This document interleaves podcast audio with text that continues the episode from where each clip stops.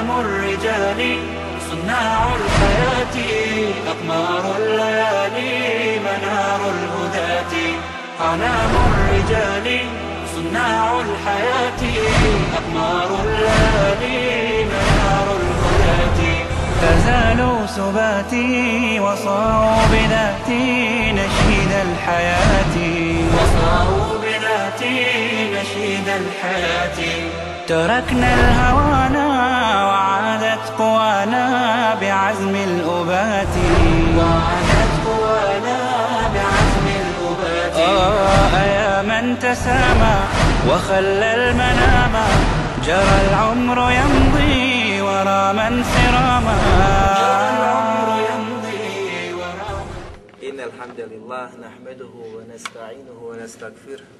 ونعوذ بالله من شرور أنفسنا ومن سيئات أعمالنا. من يهد الله فلا مضل له ومن يضلل فلا هادي له. أشهد أن لا إله إلا الله وأشهد أن محمدا عبده ورسوله.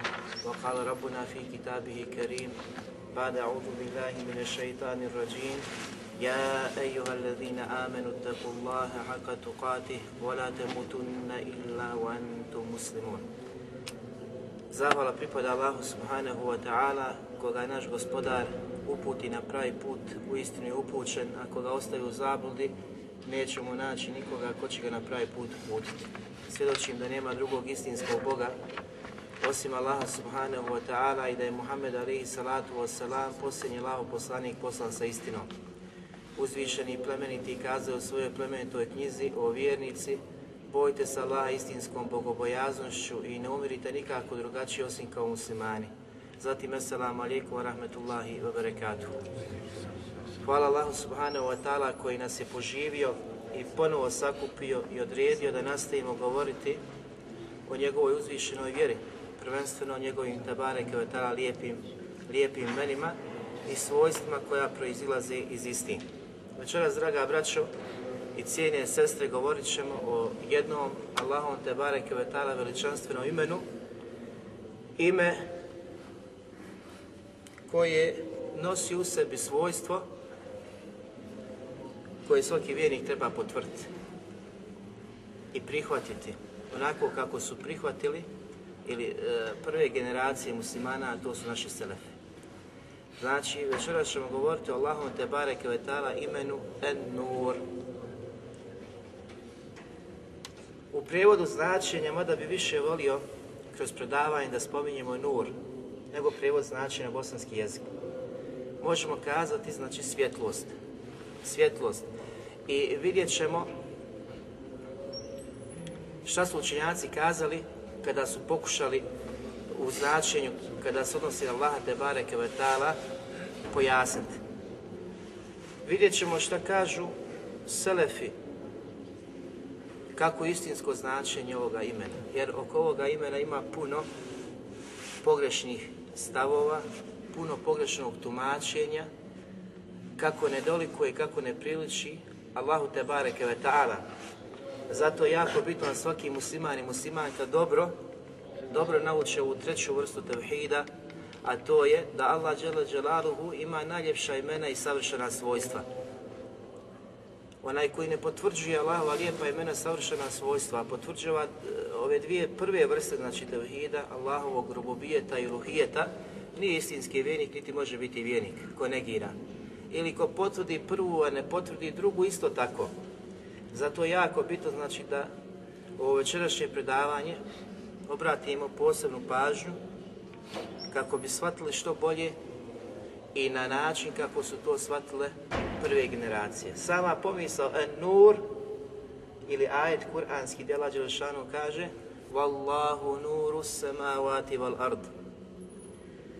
I kada čovjek pomisli kakvo je sve značenje i čemu to značenje se može da vodi, mora znači da zastani i da pogleda kako su to selefi shvatili ovu, znači, odnosno ovo veličanstveno Allahovo te bareke ime i ono na što ukazuje ovo ime, to je svojstvo Allaha te bareke da je on svjetlost. Da je Allah te bareke svjetlost. Ovo veličanstveno Allahovo te bareke ime se spominje samo na jednom mjestu u Kur'anu. A Ibn Kajim spominje iđma Selefa, znači do njegovog vakta i vremena, da su svi potvrđivali ovo Allahu te barek ime i smatrali da ju brajali jedno od Allahovi lijepih imena, kao što je predaja kod Tirmizije od Velid ibn Muslima, sve ona dobro poznata, da kaže da niko nije negirao to ime. A ono se nalazi znači u redosledu pobrajanja i smatranja, znači ištihadom od strane Velida ibn Muslima da je to jedno od Allahovi te barek vetala lijepih imena. Međutim, danas postoje mnogi koji se suprostavljaju i koji odbijaju i ne žele da prihvate da je u Allahu te bareke vetala ime, iskreću, izvrću značenje istog. I to je jako, znači, opasno. To su muatile. I ovo je jako bitna, znači, tema. Ja i nisam s razlogom prije, znači, htio pojašnjavati, ono su Allahu te bareke vetala ime, pa smo ostavljali sve za poslije, za poslije, pa izašla, hvala Allahu te vetala knjiga o svojstvima, koja će olakšati svatanje ove treće vrste na našim prostorima ljudima koji su neupućeni, koji nisu imali prilike da čitaju na tu temu. Nije što je djelo, znači, to koje smo mi napisali, koje smo, znači, ovdje posvijetili da ljudi mogu čitati, već iz razloga što je jako bitno, te literature nema. I ono što ima vrlo, vrlo malo znači, vrlo malo se govori o tome.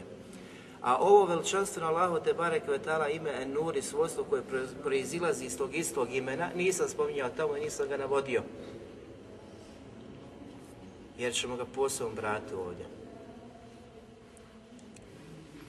Znači, jako je bitno shvati i razumijeti ovo ime, zbog toga što postoje ljudi koji su muatile, a to su oni koji iskreću, izvrću i negiraju Allahova te bareke vetala i svojstva i imena. U tu grupu spadaju oni koji općenito negiraju Allahova te barek vetala sva imena i sva svojstva i oni koji potvrđuju imena negiraju svojstva i oni koji potvrđuju imena i određena svojstva, svi su oni muatile. Jer ne prihvataju šarijaske tekstove onako kako su prihvatile prve generacije. Međutim, što kaže Ibn Taymije, rahmetullah ali, kaže, čudno je, čudno je, da one stare džehmije, a kad kažemo džehmije, to su osnimači sekte, i njihovi imami vođe su potvrđivale ovo veličanstvo na Allahu te barek vetala ime En-Nur. Oni koji došli nakon njih su ga negirali, ali su oni potvrđivali. Isto Ebul Hasan al-Ašari, kojem se pripisuje sekta koja? Šarije. Ša, šarije, također potvrđuje Allahu te barek vetala ime, pa kaže fa innehu nur. U istinu on te barek vetala nur, ali nije poput svjetla, znači ovo što mi možemo da primijetimo svjetlo sunca, mjeseca, zvijezda i slično. I to je bit i suština da se zna kod Allahu i Tebare Kvetala osobina da kada potvrđujemo i kada govorimo o njegovim Tebare Kvetala osobinama, nikada ne smijemo pomisliti ili porediti Allahove Tebare Kvetala savršene osobine sa osobinama stvorenja. Allah Đele je uzvišen, veličanstven, o svi osobina manjkavosti, a on te bare kvetala sve drugo je stvoreno mimo njega. Kad kažemo sve drugo stvoreno mimo njega, također znači spadaju i svojstva.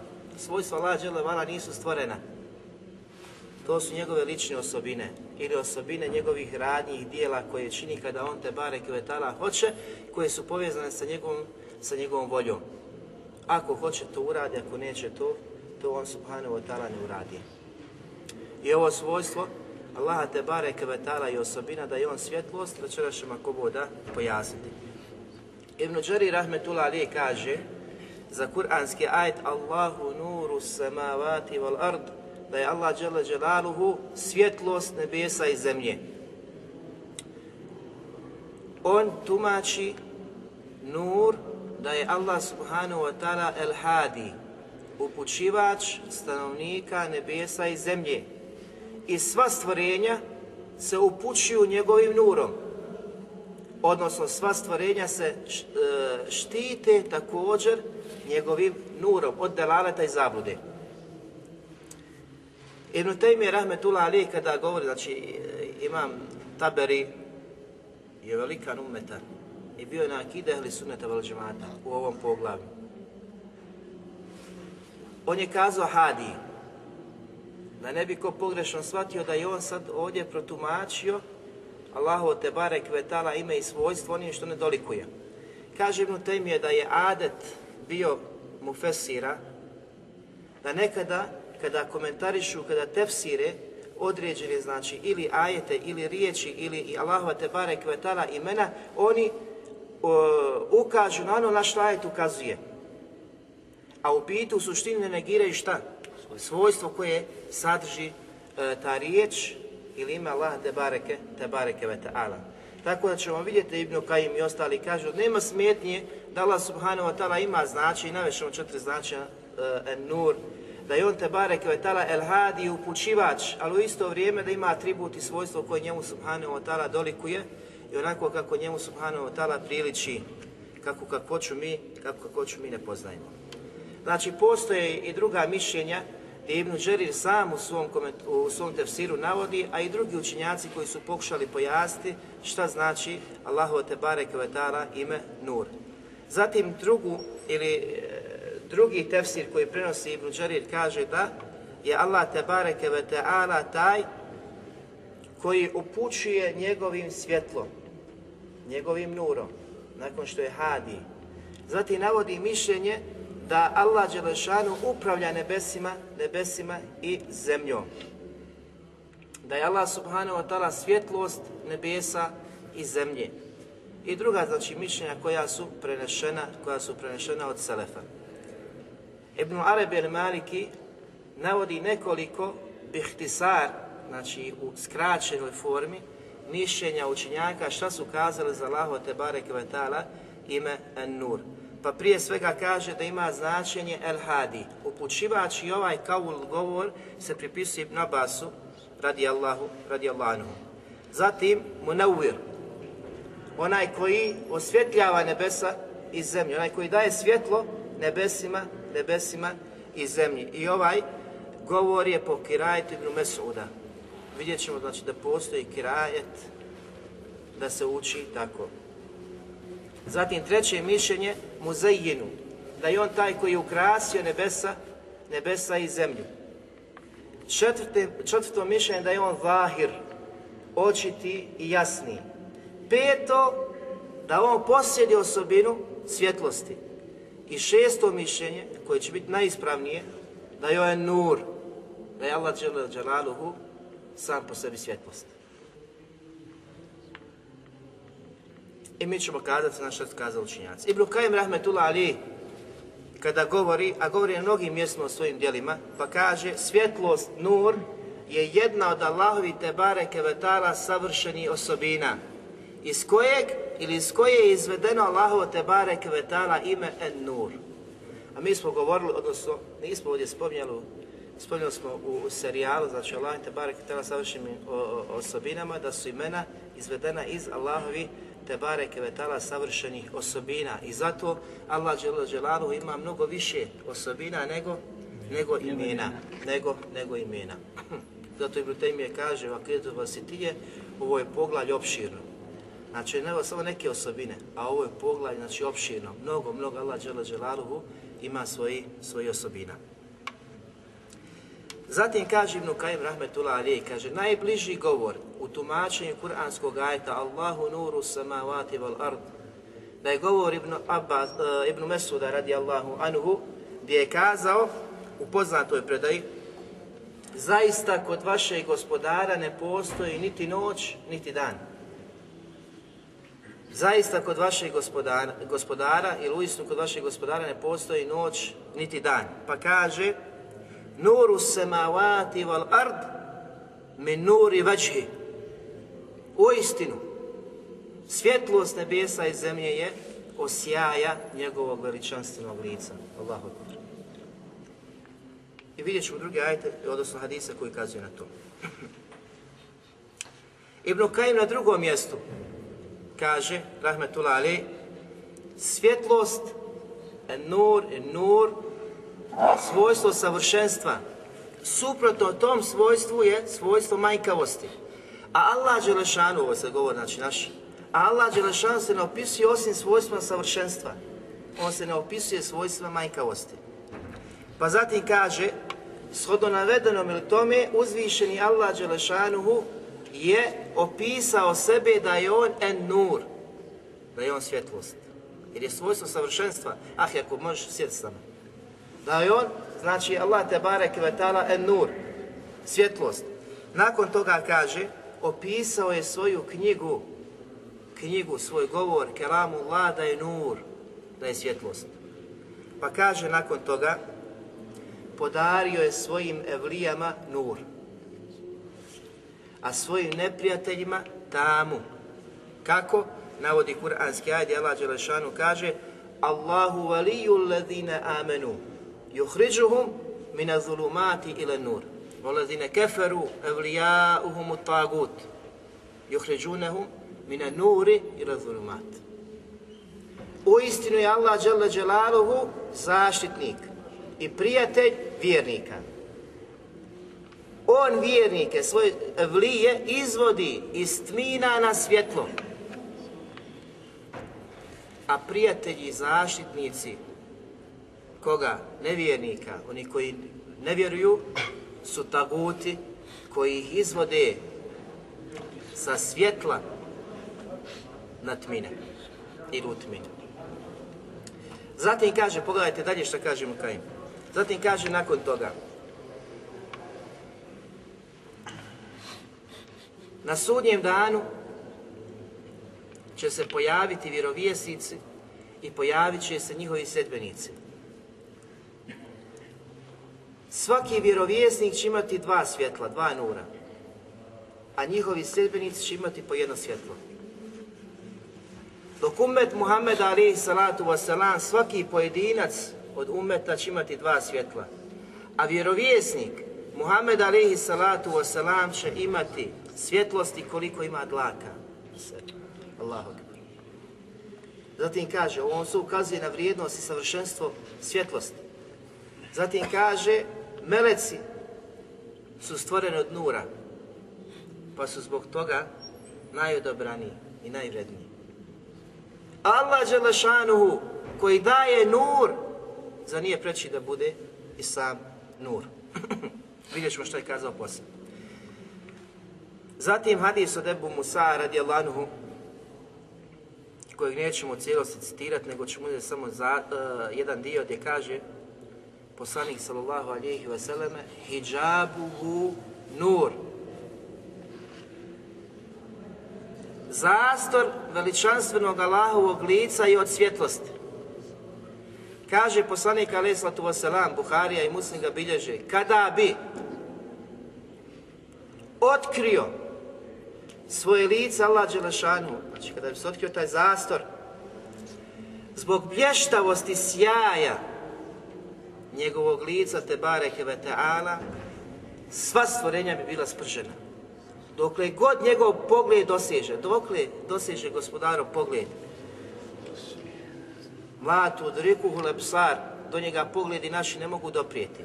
Vahuva judriku lepsar, a on sve znači vidi, njegov pogled do svega stvoreno doseže. Što znači sve što je stvoreno bilo bi sprženo kada bi se taj zastor koji je od nura otkrio. Allah te bareke ve. Pa kaže Ibnu Kajim rahmetullah ali, kada je svjetlo zastor hijjaba, prepreka da se vidi uzvišeni Allah subhanahu wa ta'ala, odnosno njegovo biće, onda nema nikakve sumnje da je svjetlost njegovog veličanstvenog lica daleko znači jača i veća od samog, od samog hijjaba. Njegov za, e, zastor ili hijab svijetli njegovim nurom. Znači u njegovim riječima kada gledamo stalno po, e, znači naglašava i potvrđuje osobinu nura da Allahu te barek vetara pripada svjetlost. Kaže, kada je svjetlost nebesa od sjaja njegovog lica, kako je rekao Ibn Mesud u predaji koji smo naveli, pa preče je da je svjetlo zastora koji je iznad nebesa kod znači da sja od njegovog sja, sjaja. Razumijete? Znači koji je iznad nebesa, iznad nebesa, preče je znači da taj sjaj i taj nur, da je taj sjaj nur dobro od Allahovog te bare kvetara nura. Pa kaže da li je moguće da zastor bude o svjetlosti onome koji nema i koji ne posjeduje svjetlost. Neka, nikako to nije moguće. Ovo je sebi odgovor onima koji negiraju Allahu te bareke osobinu, osobinu nura i svjetlosti. Ibn u svom kitabu Tevhidu kaže obaviješten sam uh, ili došla do mene vijest da oni koji se pripisuju, pogledaj, koji se pripisuju šarijaskom znanju, da posjeduju znanje, da su učeni, a kaže koji ne razumiju ovo poglavlje, koliko je bilo učen njegovo vremena, nisu shvatali ovo poglavlje, koje znači gdje je pisao mnoge knjige i redove njima. Kaže da su sprečavali da se uči Allahu nuru samavati val ard. Nego Allahu neuwara samavati val ard. Allah je, znači, osvijetlio nebesa i zemlju. Umjesto me obavezali su one koji čitaju i uče Kur'an sa fethom. I tako da mijenja značenje. A ovo su zabranjivali, a ovo je ispravan kirajt isto. Nuru. Zbog čega on njima odgovara? Na kraju nekim drugim dijelima e, je ukazano da su oni koji je on poslao iz zaslanike i prenijeli njegove riječi se povratili, hvala Bogu, od onoga na čemu su bili kada im Ibn Huzeymi iz argumente. Jer je pojenta, odnosno problem onih koji negiraju svojstva Allaha te bareke što pokušavaju ta svojstva da da shvati na svojstven način. Odnosno, oni uvijek kada se spomene neko svojstvo, pomisle svojstvo stvorenja. Pa kad to je nemoguće. Znači, jer u smislu, znači, dok on to pomišlja, dok to spominje, poistovjećuje svojstvo sa svojstvom stvorenja i odmah ga automatski negira i straha, znači da ne bi zapao u šta u tešbi, poistovjećivanja Allahi te bareke od tala savršenja osobina sa svojstvima stvorenja, što je kufr, što je kufr, nevjerstvo. Pa znači bježeći iz jednog zapadnu u drugi dalalet. Dok ehli sunne ne potvrđuje znači na takav način da bi to poistovjetio, nego onako kako to Allahu dolikuje. Kako hoću niko ne poznaje. Kako hoću Allahu subhanahu wa ta'ala niko ne poznaje. Kao što su kazali učinjaci kada ti džehmija dođe i kaže dobro ti tvrdiš za određenu osobinu da je Allah Đelešanu ima. Znači tvrdiš da je ona ta, da je, da je posjedi Allah subhanahu wa ta'ala. Kakva je ona? Ti samo njemu kaže kakav je Allah. Pa da ti, kada ti kaže ne zna, kako ću znati kakav je Allah? Kažeš mu ne znam nija kakva je osobina. A govoriti o Allahovim osobinama je poput govoriti o Allahom te bareke o ta'ala veličanstvenom biću. Nema razlike. Znači, mi spominjemo samo ono što je Allah Đelešan naveo u, u, svojoj plemenitoj knjizi i sunetu poslanika sallahu alihi wasallam. Ne zalazimo u kakvoću niti je to znači i kod učenjaka Selefa zalazio i govorio ne uzubila Allahova ruka poput ruke toga i toga. Kada znamo da je razlika kod stvorenja prisutna, kod stvorenja su znači, prisutne razlike u njihovim tijelima, pogledajte tijelo određenih životinja, kako se razlikuju. Da li je, znači, noga slona ista poput noge mrava, razumijete? I u snazi, veličinu, samo je razlika. Pa Allah Đela je preći da bude razlika između njegovih stvorenja i samog Allaha subhanahu wa ta'ala, mada njemu pripada najizvršeniji primjer.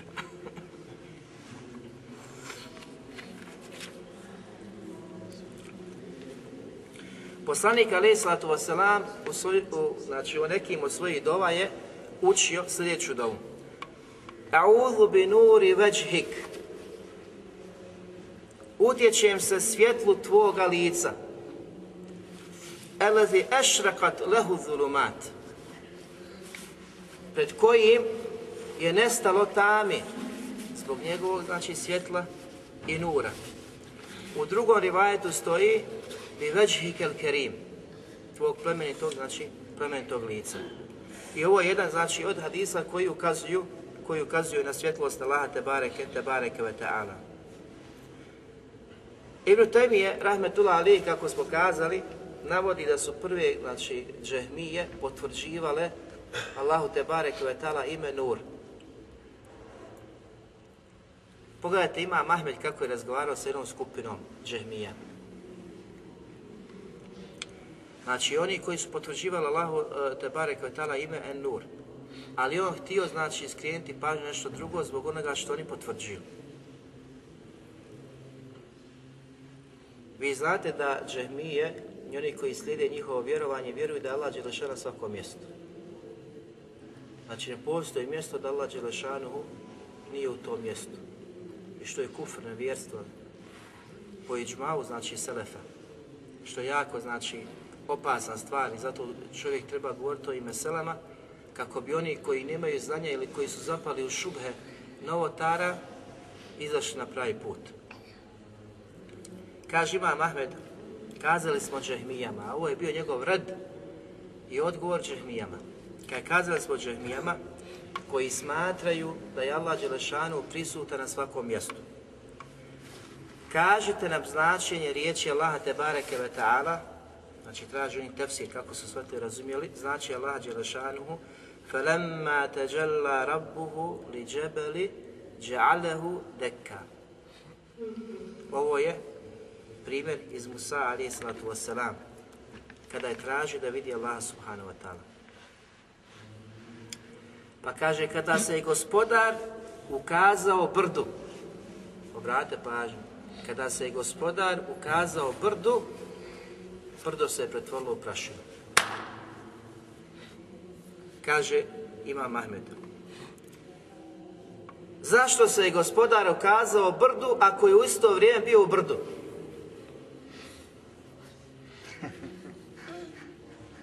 Ovako su činjaci ovaj, rješavali šubhe. Šta ćeš kazati na ovo? Da si najveći džehmija, ne do Bog, kako odgovoriti na ovakvu stvar? Nemoguće. Ali on kaže, kaže da je bio u brdu, kako vi smatrate, ne bi se otkrivao onome u kojem već postoji. Znači on odgovara njihovo, pa kaže, ali to zato što je Allah iznad Arša i ukazuje se kome on hoće. Kome on hoće. Allah Đelšan koji je iznad Arša ukazuje se kome on subhanahu wa ta'ala hoće. A brdo nikada prije toga nije vidjelo Allaha Đelešanu. A kada se Allah Đelešanu ukazao, ono nije moglo podnijeti. Viđenje Allaha subhanahu wa ta'ala. I ovo je dokaz da nije moguće u Dunjanku vidjeti Allaha golim okom i ovo što ćemo navoditi, i hijab, i nur, i svjetlost i sve, to su propisi koje Allah Žešanu sada znači, odredio za Dunjaluk. Međutim, ahiret, ahiretski život i berzah i nakon svega toga, to je nešto drugo. I na sudnjem danu ćemo vidjeti Allaha Đelešanu. I zato ova svjetlost nur, kako učenjaci kažu, ima nur, koja, e, svjetlost koja svijetla, ali ne prži. I ima svjetlost koja svijetla, ali prži. Sve živo sagorjeva to je sva svjetlost hijjaba Allaha te bareke kada bi otkrio. Međutim, na sudnjem danu Allah Đelešanu će stvoriti tijela omogućuje vjernicima da ga vide, da podnesu viđenje, viđenje Allaha te bareke. Zatim kaže, kazali smo džehmijama, ovo je sad nama bitno zbog predavanja. Allah je nur, svjetlost. Pa su kazali da svakako Allah Đelešanu je apsolutna svjetlost. Znači potvrđuju. Kaže on, ali uzvišeni Đelešanu je kazao.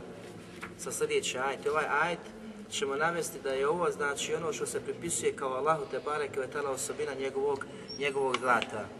Wa ashraqatil ardu bi nuri rabbiha.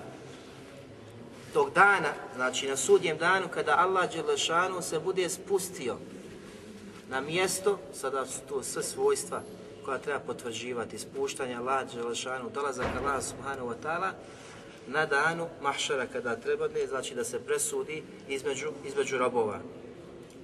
I zemlja će se svjetlošću tvoga gospodara, znači toga sjati, tog dana. Kada Allah Đelešanu, znači se spusti, kada dođe na sudnjem, na sudnjem danu.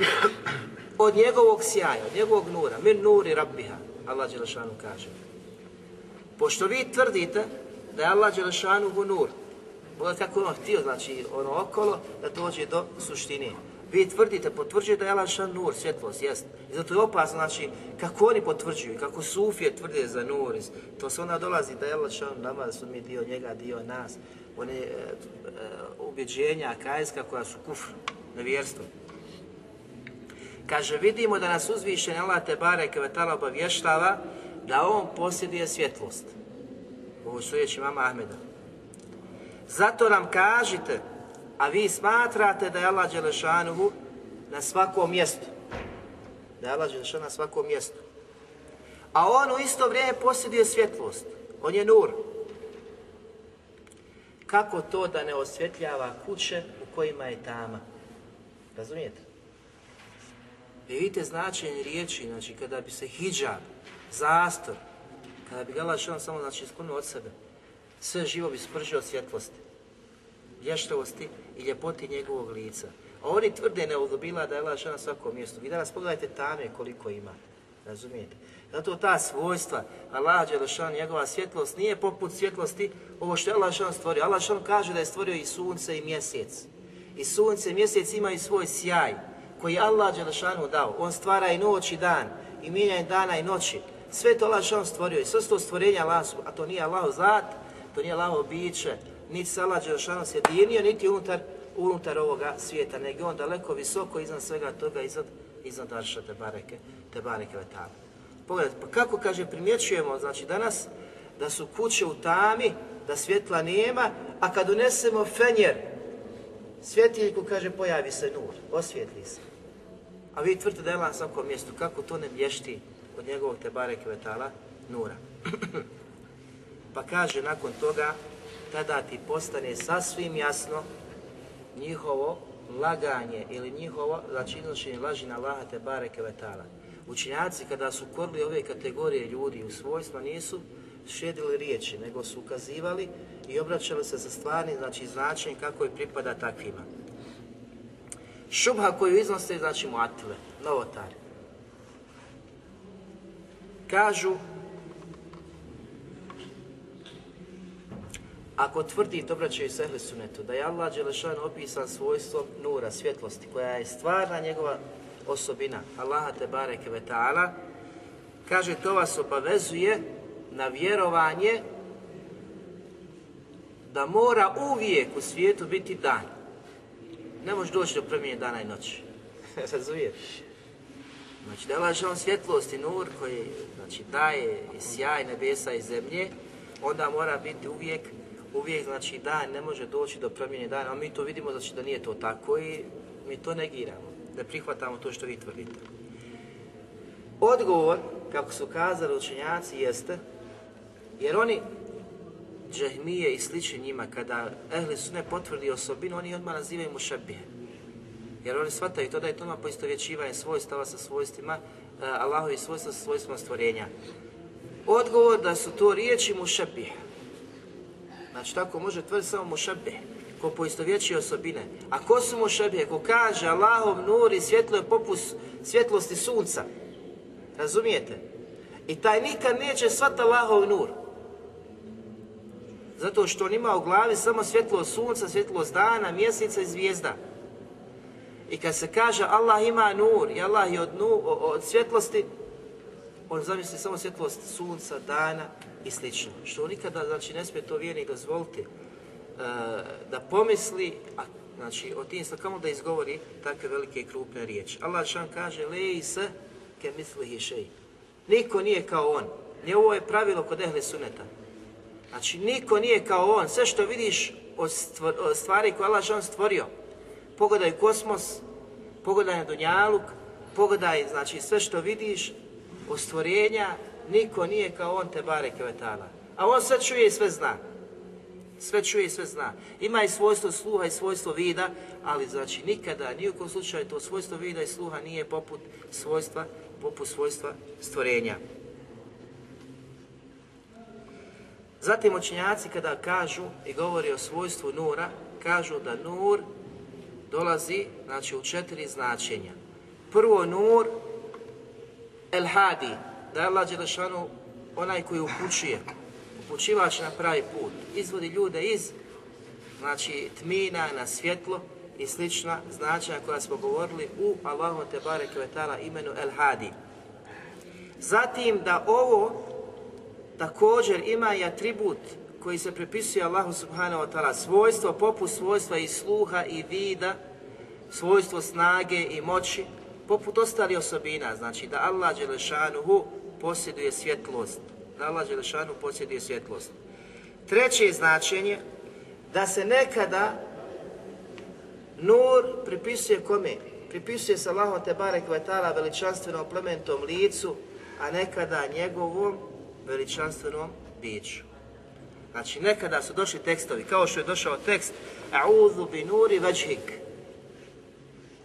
Kao što je taj došao tekst. Kao što su došli drugi tekstovi koje smo, koje smo navodili, koje smo citirali. Kada se odnosi, znači, na e, svjetlost Allahovog te bareke vetala veličanstvenog lica. Međutim, isto tako su tekstovi došli koji ukazuju na Allahovo te bareke vetala veličanstveno biće, poput وَأَشْرَقَتِ الْأَرْضُ بِنُورِ رَبِّهَا I tog dana, znači na sudnjem danu, zemlja će se ispuniti svjetlošću gospodara tvoga. Razumijete? Znači, tog dana kada Allah se pojavi, sva zemlja, sve će se ispuniti sa svjetlošću Allaha te bareke, te bareke. Pa ovdje je došlo min nuri rabbiha. Zatim imamo hadis poslanika sallallahu alihi vseleme gdje kaže, koji je vjerodostojan, kada je Allah Đelšanu stvorio stvorenja, stvorio je gdje? U tami. Felka alejhim min nurihi. Pa je zatim prosuo na njih, prosuo na njih na stvorenja nešto od svog svjetla. Min nurihi. Pa koga je zadeslo svjetlo, ili ta svjetlost koja je lašano prosuo na ta stvorenja, taj će biti upućen. Koga je mimo išla ta svjetlost, taj je ostao u. To je nakon, nakon znači stvaranja.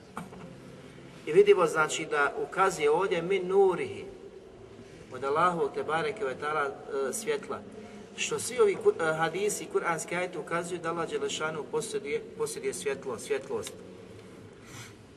Ibn Kajib Rahmetullah Ali kaže, uzviše nas obavještava da će zemlja na sudnjem danu zasijati njegovim sjajem.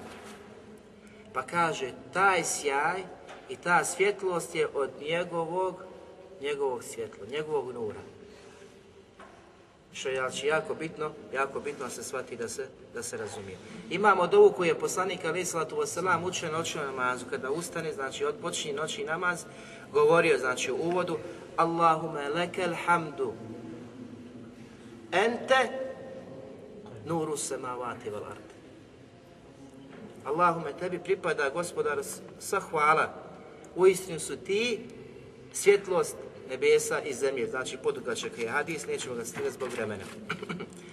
Ovo su tekstovi šarijaski, znači samo u kratkim crtama koji kazuju na značenje ovog veličanstvenog Allahu i Tebare Kvetala imena En-Nur. En-Nur koji su došli Kur'anom i Sunnetom. Kur'anom i Sunnetom potvrđeno da Allah Đelešanu ima, znači i posjedi ime Nur i da Allah Đelešanu posjedi osobinu svjetlosti. Plodovi koji proizilaze iz podijeljene, znači pripisuje se Allahom te bareke vetala licu, pripisuje se Allahom te bareke vetala biću. Prvi plod koji proizilazi iz poznaje a ovog Allahovog te bareke vetala veličanstvenog imena En-Nur, da je ajet u kojem je spomenuto Allahu nuru samavati val ard, da Allah svjetlost nebesa i zemlje i primjer Meselu nurihi, u nastavku primjer njegovog svjetla, kažu, znači učenjaci, da Allah Đelešan navodi ovdje primjer, primjer vjernika. Primjer vjernika i Allahovog tebare kevetana svjetla, ali od Meselu nurihi postoji tumačenje kod učenjaka da se misli na nur e, njegova poslanika, njegova poslanika sallallahu da se e, zamjenica vraća na Allaha subhanahu wa ta'ala i da se odnosi na, na vjernike. Da se odnosi na vjernike. Ovaj nur koji Allah Đelša navodi kao primjer u srcu vjernika, u kuranskom ajetu, suri Nur 35. ajetu, je nur koji Allah Đelešanu ulijeva u srce vjernika imana i Kur'ana. Znači, Kur'an i iman koji ulijeva Allah Đelešanu u, u, u, srce, u srce vjernika. Zato je došlo nurun ala nur. Subhanu. Svjetlost, znači, Kur'ana na svjetlosti imana. Kazuje, nurun ala nur. Te dvije stvari, da te Allah Đelšan ulije spoznaju Kur'ana i imana i da živiš tim životom, ah i ti si spoznaju najveličanstveniju spoznaju ono što ćete, inša Allah, znači, odvesti, dovesti do dženevskih do dženevskih uh, odaja gdje ćeš uživati vječno sa svima onima koji voliš, a koji budu na uputi, koji budu na uputi poslanika Muhameda sallallahu alejhi ve sellem.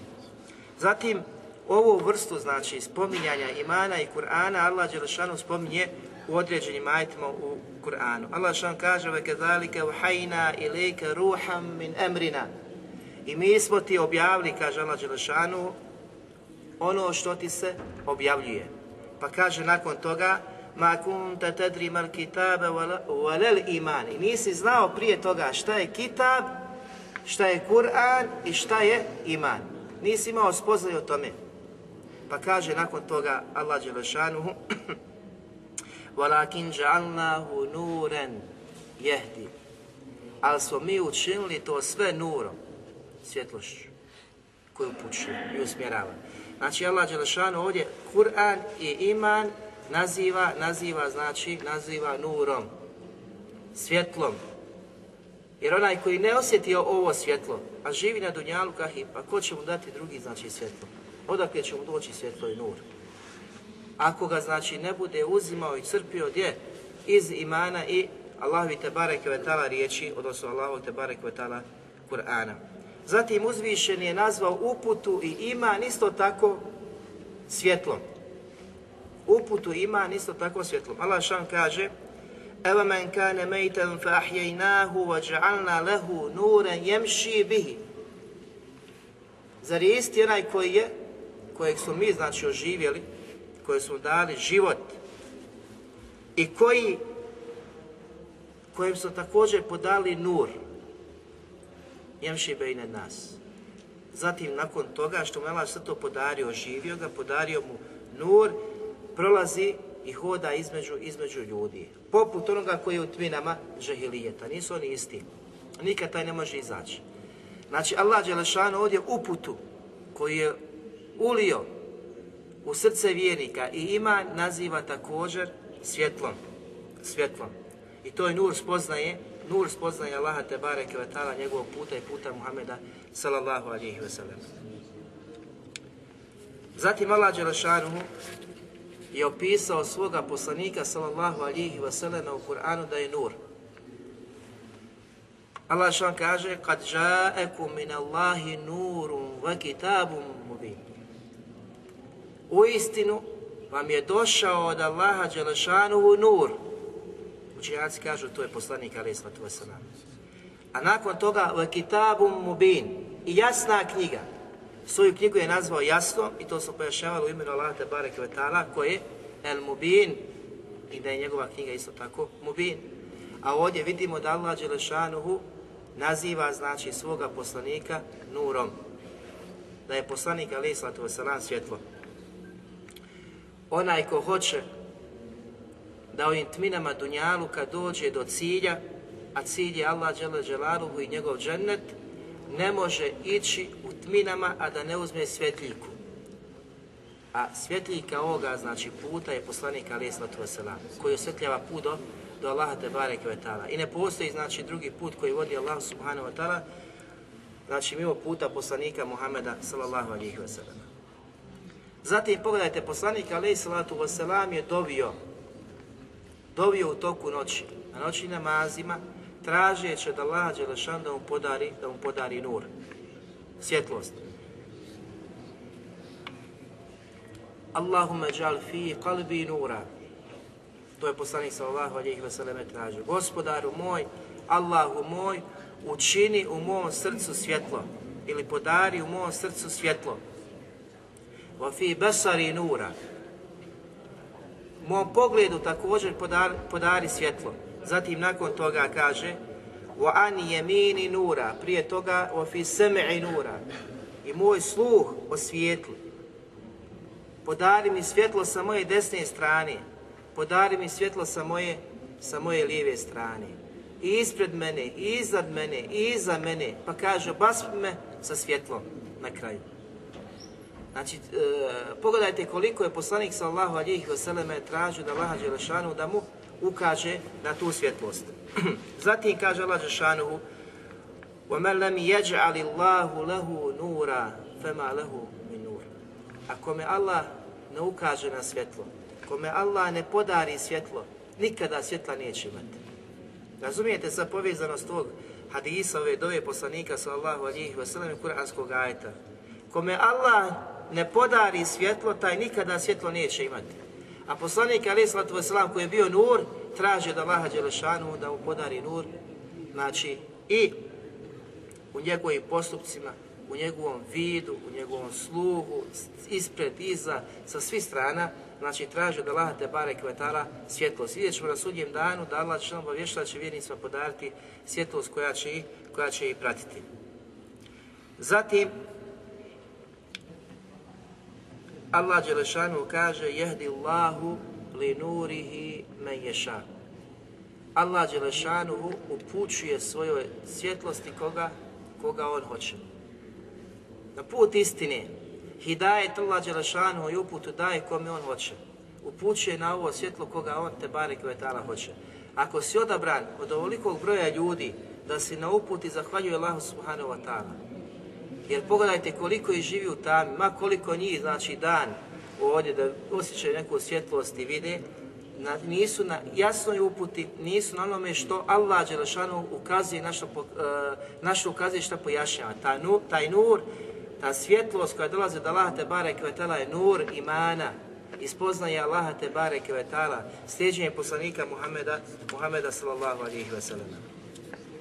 Zatim Allah Đelešanuhu naziva svoju knjigu i opisuje svoju knjigu Kur'an da je nur, da je svjetlo. Kaže Allah subhanahu wa ta'ala فَالَذِينَ آمَنُوا بِهِ وَعَزَّرُوهُ وَنَصَرُوهُ وَاتَّبَعُوا نُورَ الَّذِي أُنزِلَ مَعْهُ Allah Đelšanu ukazuje na vjernike, ko su istinski vjernici, pa kaže oni koji budu vjerovali u poslanika, ali salatu wasalam, pa ga znači pomogli, osnažili, ojačali, za njegov sunnet se borili nakon, nakon smrti poslanika sallahu alihi wasallame وَاتَّبَعُوا i koji budu slijedili šta?